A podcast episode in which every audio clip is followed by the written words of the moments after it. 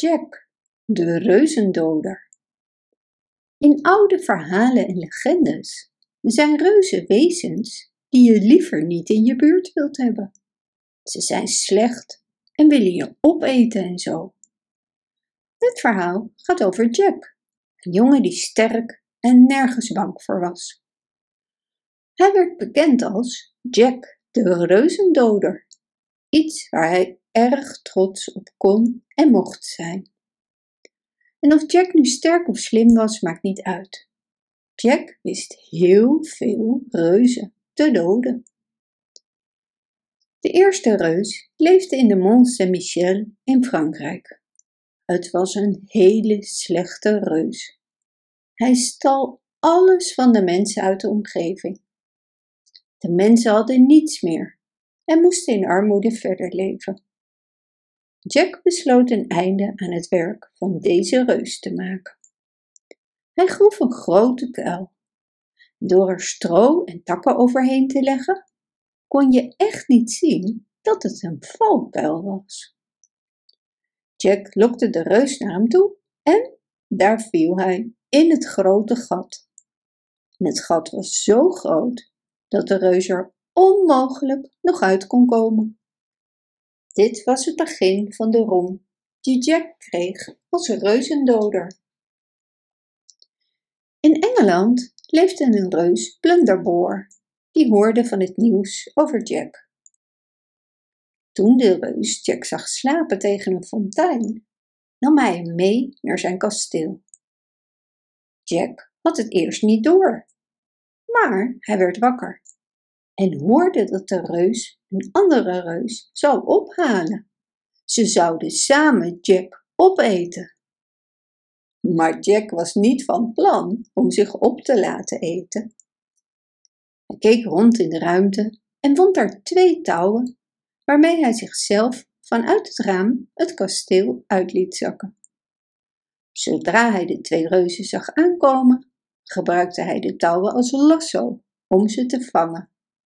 Dat lukte en dat was het einde van weer twee reuzen.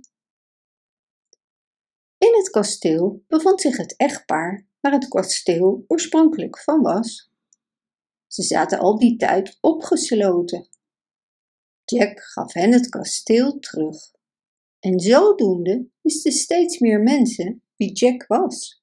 En dat hij de allerbeste reuzendoder op aarde was. Op zijn reis naar huis ontmoette Jack de zoon van koning Arthur. Deze was op weg naar Wales om daar een mooie dame te bevrijden uit de macht van een slechte tovenaar. Jack besloot met hem mee te reizen. De zoon was erg gul en gaf al snel al het geld weg dat hij bezat. Er bleef geen geld over om ergens fatsoenlijk te overnachten. Maar Jack had een plan. Hij wist dat in de buurt een reus in een kasteel woonde. Hij zou hem een bezoekje gaan brengen. Bij het kasteel aangekomen vertelde hij de reus dat de koning met 2000 man zou komen om hem te doden. De reus schrok ervan.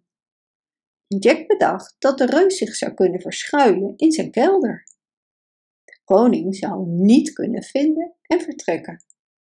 Jack zou hem dan uit de kelder weer kunnen bevrijden. Zo gezegd, zo gedaan. Jack haalde de koning en samen vierden ze feest in het kasteel. Jack wist de schatkist van de reus te vinden en gaf al het goud en zilver aan de koning. De koning vertrok en Jack bevrijdde de reus uit de kelder. De reus bedankte Jack hartelijk en vroeg wat hij hem als beloning moest geven. Geef me maar de jas en de pet, het roestige zwaard en pantoffels die ik ergens heb zien liggen, zei Jack. Neem ze maar mee, zei de reus. De jas zal je onzichtbaar maken.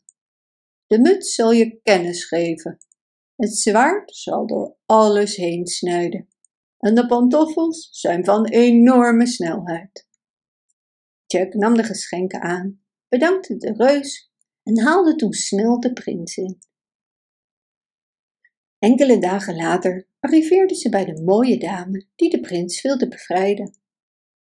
Ze ontving de prins vriendelijk, pakte haar zakdoek en zei: Mijn prins, morgenochtend moet u mij vertellen van wie ik deze zakdoek heb, anders gaat u dood. De prins ging bedroefd naar bed, maar Jack zette de muts op, die hem vertelde dat de dame betoverd was door een slechte tovenaar. Elke nacht ontmoette ze hem in het bos. Jack achtervolgde haar, onzichtbaar door zijn jas. En daar maakte hij met zijn zwaard een einde aan haar betovering. De volgende dag trouwden de prins en de mooie dame. Ze gingen met z'n allen naar het koninkrijk van koning Arthur. En daar werd Jack, vanwege zijn heldhaftigheid, bekroond tot een van de ridders van de ronde tafel. En zo beleefde Jack nog vele avonturen. Hij kreeg een groot landgoed van de koning om hem te belonen voor al zijn dappere daden. En Jack trouwde met de dochter van een hertog en leefde nog lang en gelukkig. Bedankt voor het luisteren. Wist je dat je dit verhaal ook op onze website ridiro.com/nl kunt lezen, downloaden en printen?